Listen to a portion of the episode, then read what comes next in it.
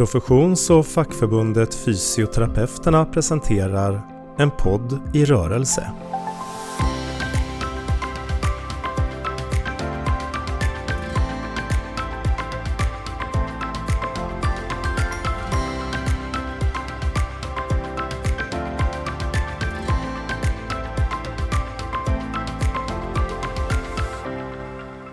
Välkommen till eh, Fysioterapeuternas En podd i rörelse. Idag så ska vi prata om någonting som eh, är en av de sakerna som vi som fack och professionsförbund lägger mycket tid och eh, arbete på för att det ska bli så bra som möjligt för våra medlemmar och för de personer som arbetar i, som fysioterapeuter och sjukgymnaster. Och det som vi ska prata om idag är arbetsmiljö.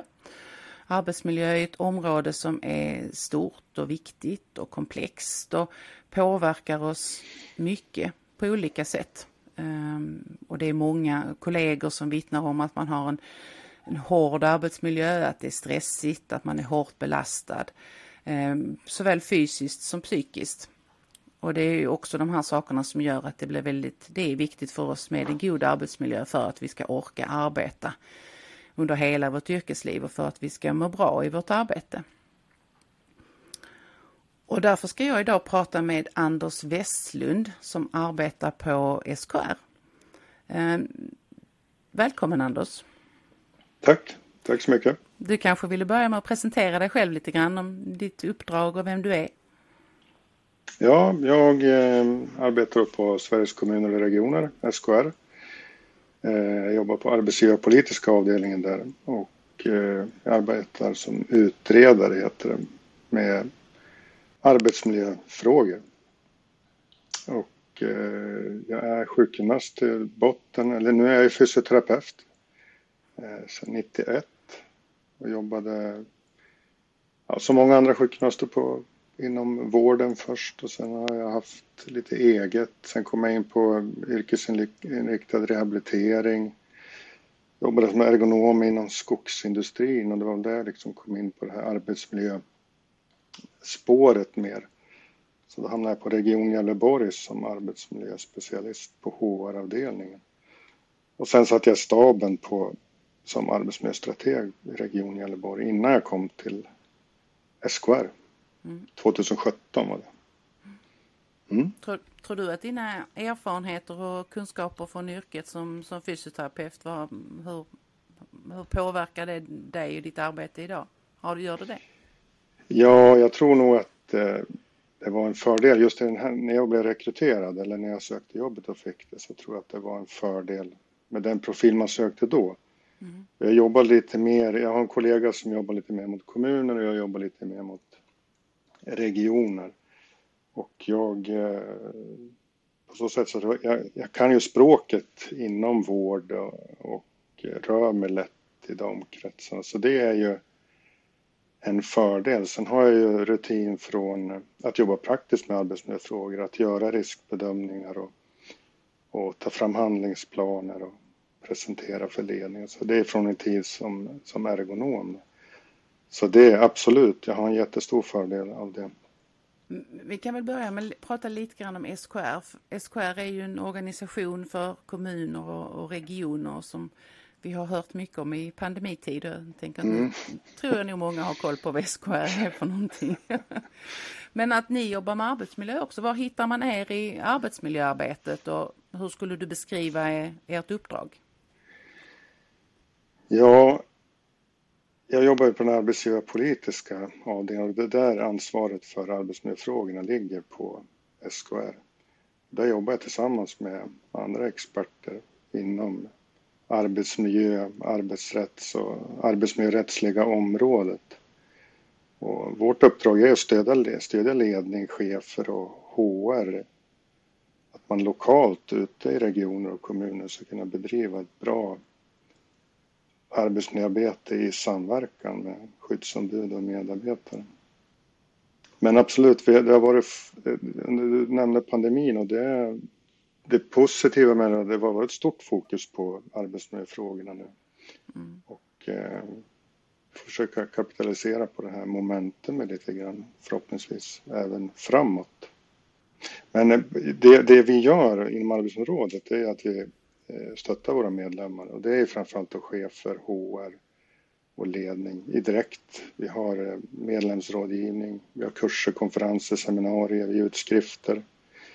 Försöker sprida information och ha nätverk med arbetsmiljöstrateger och HR-chefer. Sen är vi ju också remiss, eh, vi svarar på remisser från regeringskanslier och olika myndigheter. För min del är det ju mot Arbetsmiljöverket då. Eh, vi deltar i samråd med Arbetsmiljöverket och jag sitter med i ett samråd för Myndigheten för arbetsmiljökunskap.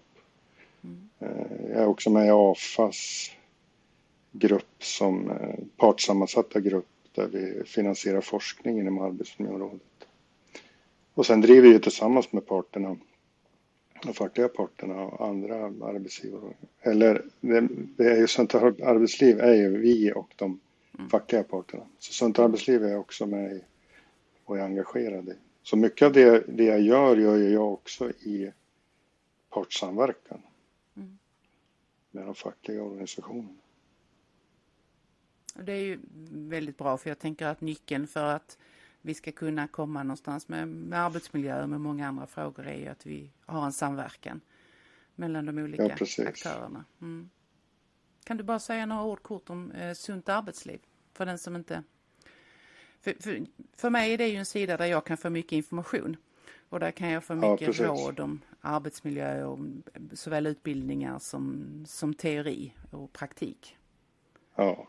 Mm. Sånt arbetsliv har ju funnits några år nu och Eh, den drivs ju av, eh, den finansieras av AFA. Men, eh, men den styrs ju av parterna och mm. SKR. Så det görs, vi, vi, den drivs i samverkan. Och uppdraget är att ta fram, dels att ta fram digitala verktyg för kommuner och regioner så att man ska kunna arbeta på ett effektivt sätt med arbetsmiljöfrågorna. Mm. Och på hemsidan finns det idag ett stort antal digitala verktyg som man med, lätthet kan gå in och, och, använda. Och sen sprider man information, samlar forskning och försöker göra den inom arbetsmiljörådet, göra, tillgängliggöra den för, för kommuner och, och regioner. Det är väl de två stora huvuduppdragen som Svenskt Arbetsliv har. Sen har ju Svenskt Arbetsliv ett resursteam också som, där man kan man kan söka stöd där i sitt eh, lokala arbetsmiljöarbete. Ja, och Sunt arbetsliv är kort, liksom en sida för den som har ett intresse av arbetsmiljö oavsett var man befinner sig i organisationen, tänker jag. Ja, absolut. Det är både mm. för skyddsombud och medarbetare och chefer och HR som kan gå in där och plocka mm. Det är fritt att plocka och det är fritt för alla att gå in på deras hemsida. Allting är digitalt det leder oss in lite grann här på, på nästa fråga. Arbetsmiljö är ju stort och komplext. Eh, mm. Och har, jag har nämnt någonting om att det är viktigt med en god arbetsmiljö. Men vad skulle du säga är en god arbetsmiljö?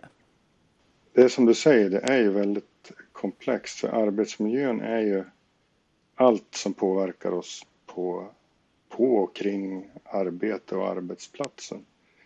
Men vi vet ju ganska väl vad som behöver vara på plats för att man ska skapa en bra arbetsmiljö. Och här pratar vi ofta om friskfaktorer.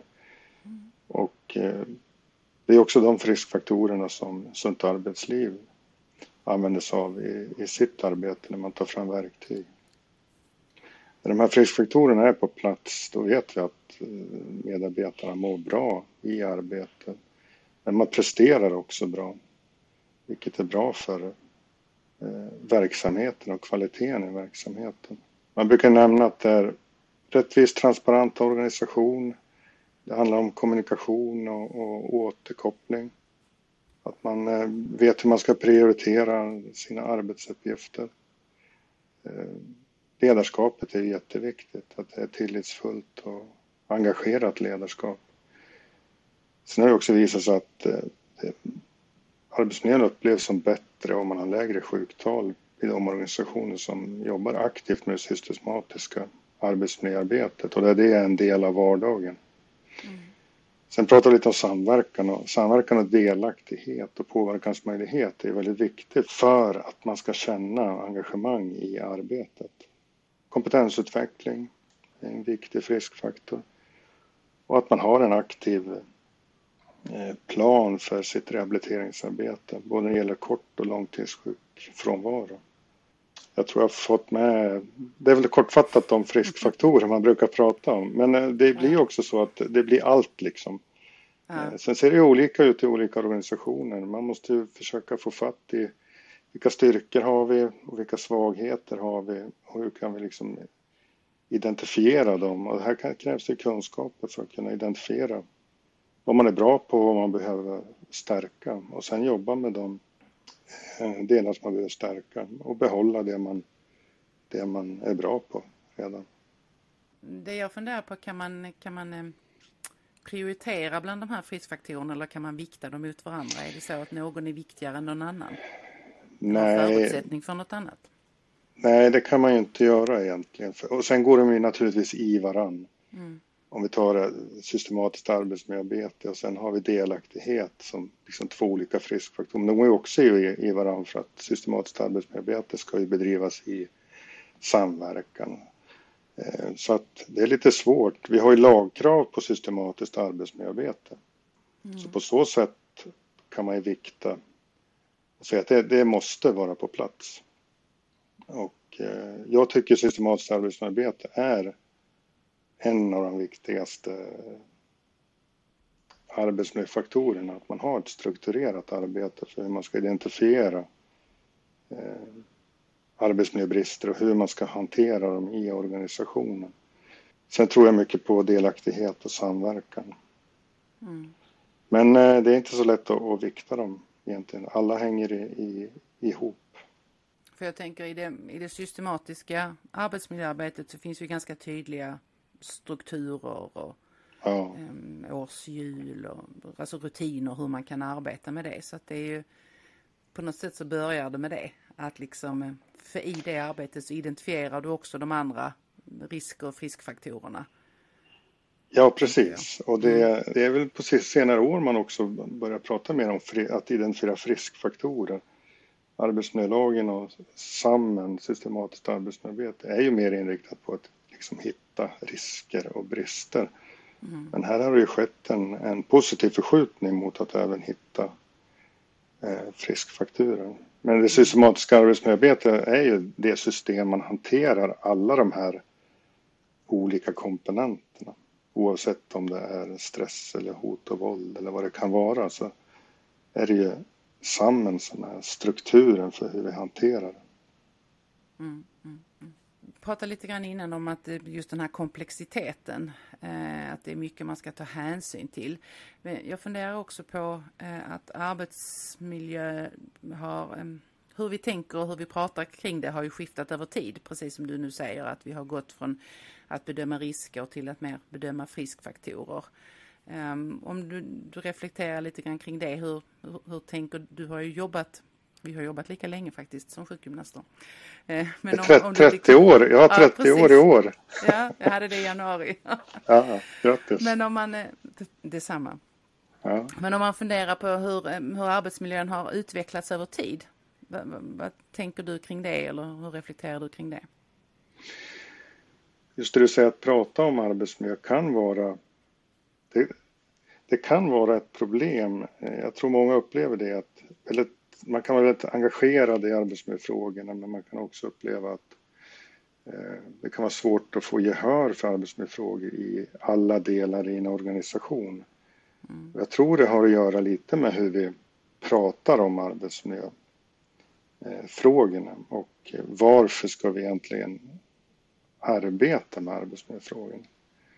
Eh, min erfarenhet från att jobba i Region Gävleborg var ju att när vi, vi hade en väldigt driven HR-direktör där som var fullständigt övertygad om att kvaliteten i verksamheten och arbetsmiljöfrågorna var liksom tätt sammankopplade det blev ett helt annat gehör när dels hennes position förstås, men även hur hon pratade om arbetsmiljöfrågorna. Hon knöt ihop arbetsmiljöfrågorna med eh, verksamhetens resultat. så tyckte jag att det blev en, en bättre genomslagskraft i, i hela organisationen. Mm. Eh, ett sätt, jag, jag, jag, tror att om man, från min erfarenhet så är väl tipset liksom att göra den här kopplingen och eh, presentera det på, på det sättet. Att, eh, annars blir det lätt att arbetsmiljöarbetet ligger i ett litet stuprör på sidan. Mm. Som man, vissa personer jobbar mycket med och vissa jobbar mindre med det. Prata om arbetsmiljö ur ett verksamhetsperspektiv. Vi jobbar med människor i, i i den här sektorn och det är liksom i mötet med kunder, brukare, patienter som kvaliteten uppstår. Eh, och därmed så blir våra medarbetare blir de absolut viktigaste resurserna. Och hur våra medarbetare... Jag menar, jag, vi, du och jag arbetar ju också, vi är också medarbetare och vi, hur vi upplever vår arbetsmiljö och hur vi upplever, alltså hur vi mår på arbetet kommer ofrånkomligen påverka vår möjlighet att skapa bra verksamheter och hög kvalitet. Sen tror jag att ett sätt, om man nu, det här med att prata om det på rätt sätt, om man vill nå fram så tror jag också är bra att koppla det till kompetensförsörjningen. Vi står inför en, alltså demografiska kurvan gör ju att den offentliga sektorn nu står inför stora rekryteringsutmaningar. Och här kan ju en god arbetsmiljö bidra till mm. ja, förmågan att rekrytera och behålla och utveckla medarbetarna jag, jag, tror att det är bra att koppla arbetsmiljöarbetet till verksamheten, annars blir det lätt ett stuprör. Sen är det ju inte så svårt att prata om arbetsmiljö på ett sätt. Eh, vi pratar ju väldigt mycket arbetsmiljö, men vi kanske inte riktigt tänker på det eh, i dagligt tal på arbetsplatserna. Vi pratar väldigt mycket om hur vi har, hur vi har det och hur vi skulle vilja ha det. Och märkvärdigare än så behöver det egentligen inte vara. Det gäller att man får skyddsombud och chefer kan ju också tränas i att liksom få fatt i de här mm. eh, mellanrumssignalerna som dyker upp. Hur fångar vi upp dem? Jag tror faktiskt att man ofta inte tänker på att vi pratar faktiskt om arbetsmiljö nu. Det är inte bara en punkt på ett APT utan det samtalet pågår nog lite hela tiden faktiskt. Det är både en fördel och en nackdel på något sätt. Men precis som du säger så behöver man ju identifiera eh, att att samtalet pågår eh, och att ja, man precis. behöver identifiera vad, vad det är det i vårt samtal som liksom berör vår arbetsmiljö. Ja. I varje fall vid något tillfälle tänker jag. Och då, man... Ehm, om, om man sen har ett strukturerat sätt, liksom att fånga in sådana här signaler och sen mer kanske strukturerat prata om de här och vad står mm. det för? Är det något vi ska borra vidare i? Ska vi försöka identifiera vad det är för risker vi, vi egentligen ser? Och ska vi prioritera dem och, och försöka hantera dem tillsammans? Mm. Riskbedömningar är ju, kan ju upplevas komplext och svårt och man, man kanske tror att man behöver hjälpa företagshälsovården varje gång och sådär men den lägsta formen av det är ju i samtalet att sätta lite finger i luften. Vad är det som vi Eh, vad tycker vi i den här frågan? Och, och, så tar man det från det. Mm. Det behöver inte vara så svårt egentligen. Alltså delar jag ju helt din uppfattning om att eh, en god arbetsmiljö hänger ihop med kompetensförsörjning och att det är ett av de verktygen som, som finns för att man vill börja på en arbetsplats, stanna kvar på en arbetsplats. Eh, ja, och självklart precis. också ersättningen för arbetet är ju viktigt att lyfta från mitt perspektiv. Ja, jo men absolut är det så. Mm, mm. Du har lyft också lite grann kring samverkan eh, och när det gäller arbetsmiljö såväl som så mycket annat så är det viktigt med samverkan. Och vilka tankar har du kring hur de olika delarna av en organisation kan samverka med varandra? Ja, där, samverkan är ju, är ju... Dels har vi arbetsmiljölagen som slår fast att vi ska samverka i arbetsmiljöarbetet.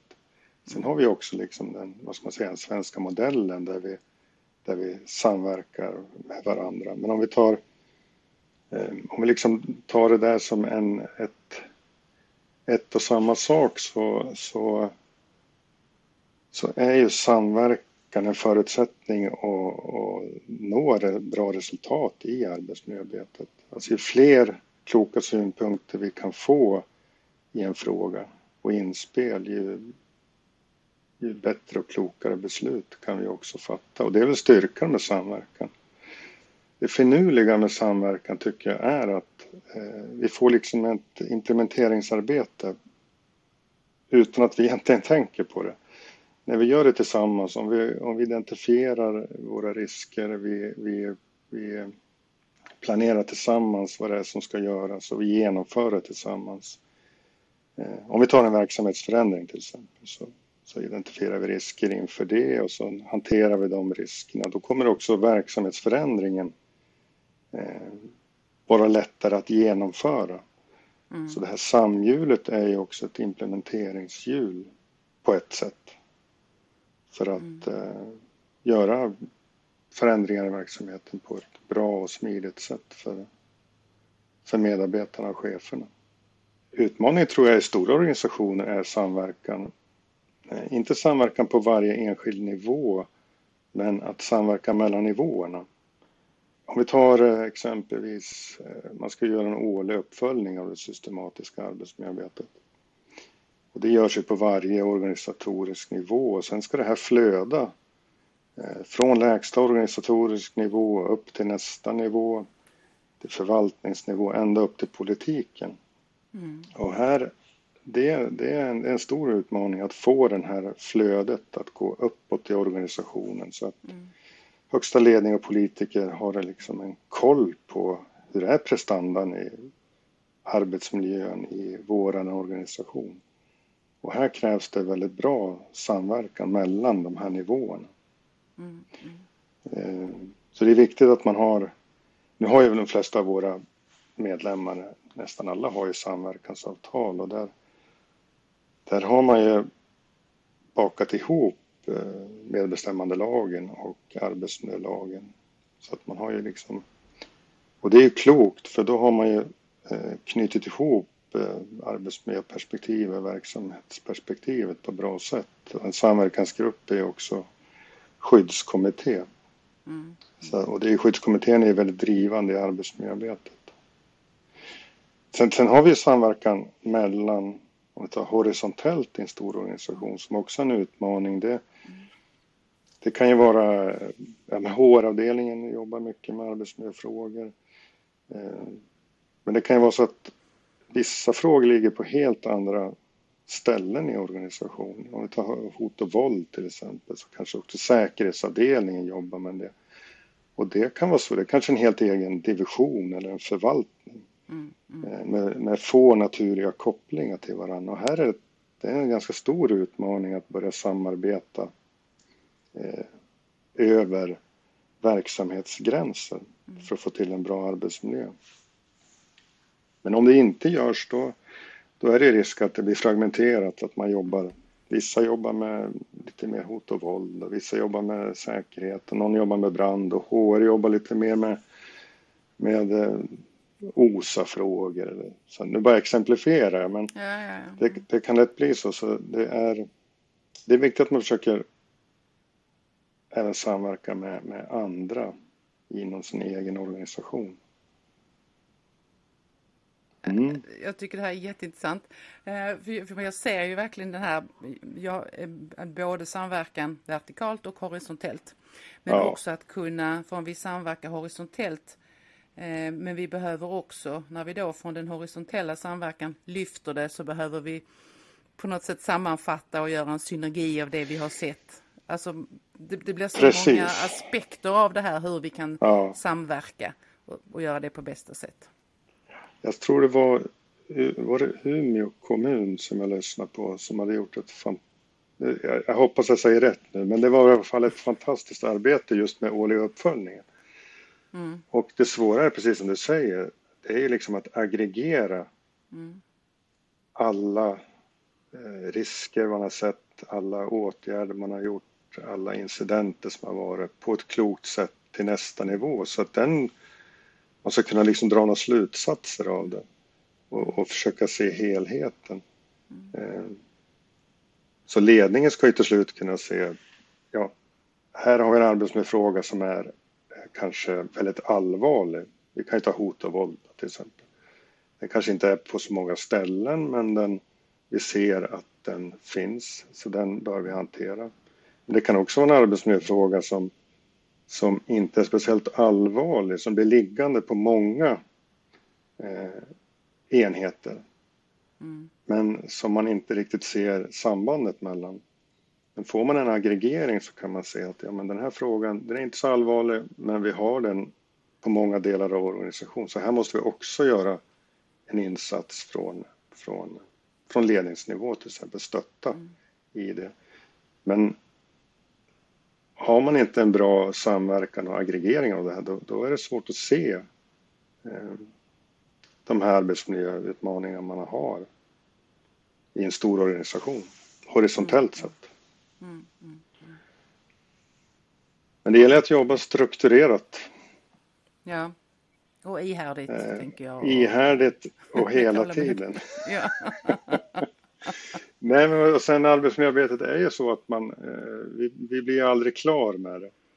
Eh, så att säga. Man måste vara väldigt eh, liksom ödmjuk inför det att eh, när man, när man, vi lyfter ju ofta brister som finns i verksamheten. Så där, och det är, det är liksom hela idén med systematiska arbetsmiljöarbetet och annat förbättringsarbete är ju att få fatt i bristerna. Mm. Så att eh, jag tycker man ska vara... Ibland slår man folk på fingrarna, eller det kan vara i media också, för att man liksom identifierar risker. Det är mm. precis det man ska göra. Mm. Eh, det viktigaste är att man har koll på sin organisation och vad har vi för risker och vart är de någonstans. På så sätt blir det en lärande i det också om man är liksom ödmjuk inför att man hittar brister om man går igenom ett system. Det gör vi i alla kvalitetssystem. Mm. Och systematiskt arbetsmiljöarbete är ju ett kvalitetssystem, ett ledningssystem och påminner mycket om, om eh, andra sätt att jobba med ständiga förbättringar i verksamheten. En annan sak som, som jag funderar på nu det är när vi pratar om det här med risker, och vi riskfaktorer och friskfaktorer. Hur, eh, det är lite hur man viktar dem mellan varandra. Är det, ja. Tänker vi att vi ska plocka bort riskfaktorerna eller tänker vi att vi ska förstärka friskfaktorerna? Ja, jag brukar tänka att det är ändå... Vi har ju lagkrav på att jobba med att förebygga mm. Eh, risker, att hantera risker. Så det kommer man liksom inte, det kommer man inte undan.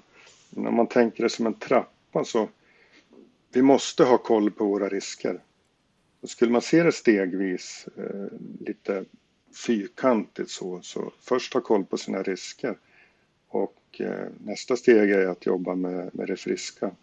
Mm. Eh, och jag tror man måste ta det här första steget först. Så att man inte jobbar med eh, friskfaktorer och eh, Alltså att man gör det innan man har koll på sina risker. Man har inte koll på sina trycksatta kärl eller, eller kemikalier som kan ge eh, allvarliga arbetsmiljörisker. Mm. Så att jag tror det är stegvis. Så det går inte, jag tycker inte riktigt att man kan vikta dem mot varann men jag tror att jobba med friskfaktorer är en utveckling av när man har gjort basen i arbetsmiljöarbetet. Så, så kan man väl se det tror jag. Men sen jobbar man ju med det parallellt när man väl har liksom kommer dit att man också kan ta tid för att jobba med, med sina friskfaktorer. Mm. Vi har tittat lite grann bakåt och arbetsmiljö, hur det har utvecklats över tid och det kommer ju sannolikt att förändras. Men vad tänker du, hur, hur tror du att samtalet kring arbetsmiljö kommer att förändras framöver? Ja, det är lite svårt. Pandemin har ju liksom ställt en del på ända men det har också identifierat en del frågor som säkert kommer komma i framtiden och som redan nu är aktuella. Jag tror att man vi kommer se ett ökat samtal kring den kognitiva arbetsmiljön. Mm. Så hur, hur vi tar in och hur vår hjärna tar in information och hur vi processar den. I och med att vi, kom, vi jobbar mer och mer med digitala verktyg. Mm. Eh, och här är det en utmaning att att, att jobba med hur vi ska identifiera kognitiva arbetsmiljörisker och hur kan vi skapa hälsosam, en hälsosam kognitiv arbetsmiljö. Hur, vad, är, vad är en god kognitiv belastning och vad är en, en, en dålig kognitiv belastning egentligen? Mm. Det kan vara svårt att, att värdera, men det, jag, jag, tror att den kognitiva arbetsmiljön kommer få ett fokus i framtiden. Sen tror jag att eh, under pandemin så har, har det varit mycket hemarbete. Inte mm. för det, andra branscher har ju en större andel som har jobbat hemma men det finns ju även inom både kommuner och regioner som, som har vi medarbetare som jobbar hemifrån. Och en del kommer säkert kunna göra det delvis beroende på hur vi organiserar arbetet. Men här, här kommer det bli en utmaning, tror jag, hur vi ska i samverkan med skyddsombud och medarbetare bedriva det här systematiska arbetsmiljöarbetet när, när människor inte jobbar på en arbetsplats som arbetsgivaren råder över, exempelvis mm. hemma då. Mm. Eh, arbetsgivaren har ju ingen möjlighet att eh, kräva att komma hem till någon och undersöka arbetsmiljön, bygga om ventilation eller eh, Eh, utan det är ju, det är en, en pri, privat sfär som arbetsmiljölagen inte täcker. Och det här måste vi, tror jag vi måste trä, pröva och träna på och hantera. Eh, hur gör vi arbetsmiljöronder på distans om någon sitter hemma? Och hur samverkar vi med skyddsombuden i de här frågorna? Hur identifierar vi psykisk ohälsa vid digitala möten. Det är, tror det kommer vara en del sådana nya utmaningar. För både oss som arbetsgivare men också för, för skyddsombud. Faktiskt. Mm. Ska ju också ha kontakt med sina, de de representerar, de medarbetare Precis. som de arbetar för. Det finns ju också en del strömningar mot ökad mobil, mobila team eller hemsjukvård och det, det är ju liknande det du nu lyfter. Ja, precis. Där befinner man sig i någon annans hem. Och det sätter ju också ledarskapet på, på prov eller det, det förändrar ledarskapet om man har medarbetare som inte är på plats. Mm. Mm. Nu under pandemin så vet vi att chefer har mer tät, alltså tätare kontakt med sina medarbetare men kortare. Så mm. kortare avstämningar. Och eh, det kan nog vara ett bra sätt att, att försöka hålla koll på hur medarbetarna har det och hur man mår. Vi får inte glömma bort att vi har fortfarande utmaningar när det gäller eh, den fysiska arbetsbelastningen. Det, det, vi pratade tidigare om att det är väldigt komplext och när det är komplext så kan det vara svårt att ha fokus på, mm på alla frågor samtidigt. Vi har ju haft en period nu när det är mycket fokus på det organisatoriska, sociala och nu pratar vi om den kognitiva arbetsmiljön. Men vi får inte tappa fokus på, på den fysiska arbetsbelastningen. Både i kontorsmiljö naturligtvis, men i vår bransch så har vi många medarbetare som har fysiskt krävande arbete med, med tunga lyft exempelvis. Och, och så där. Och det, vi måste också jobba med de frågorna. De har inte försvunnit, de belastningarna. De måste vi fortsatt hantera. Ja, precis, precis.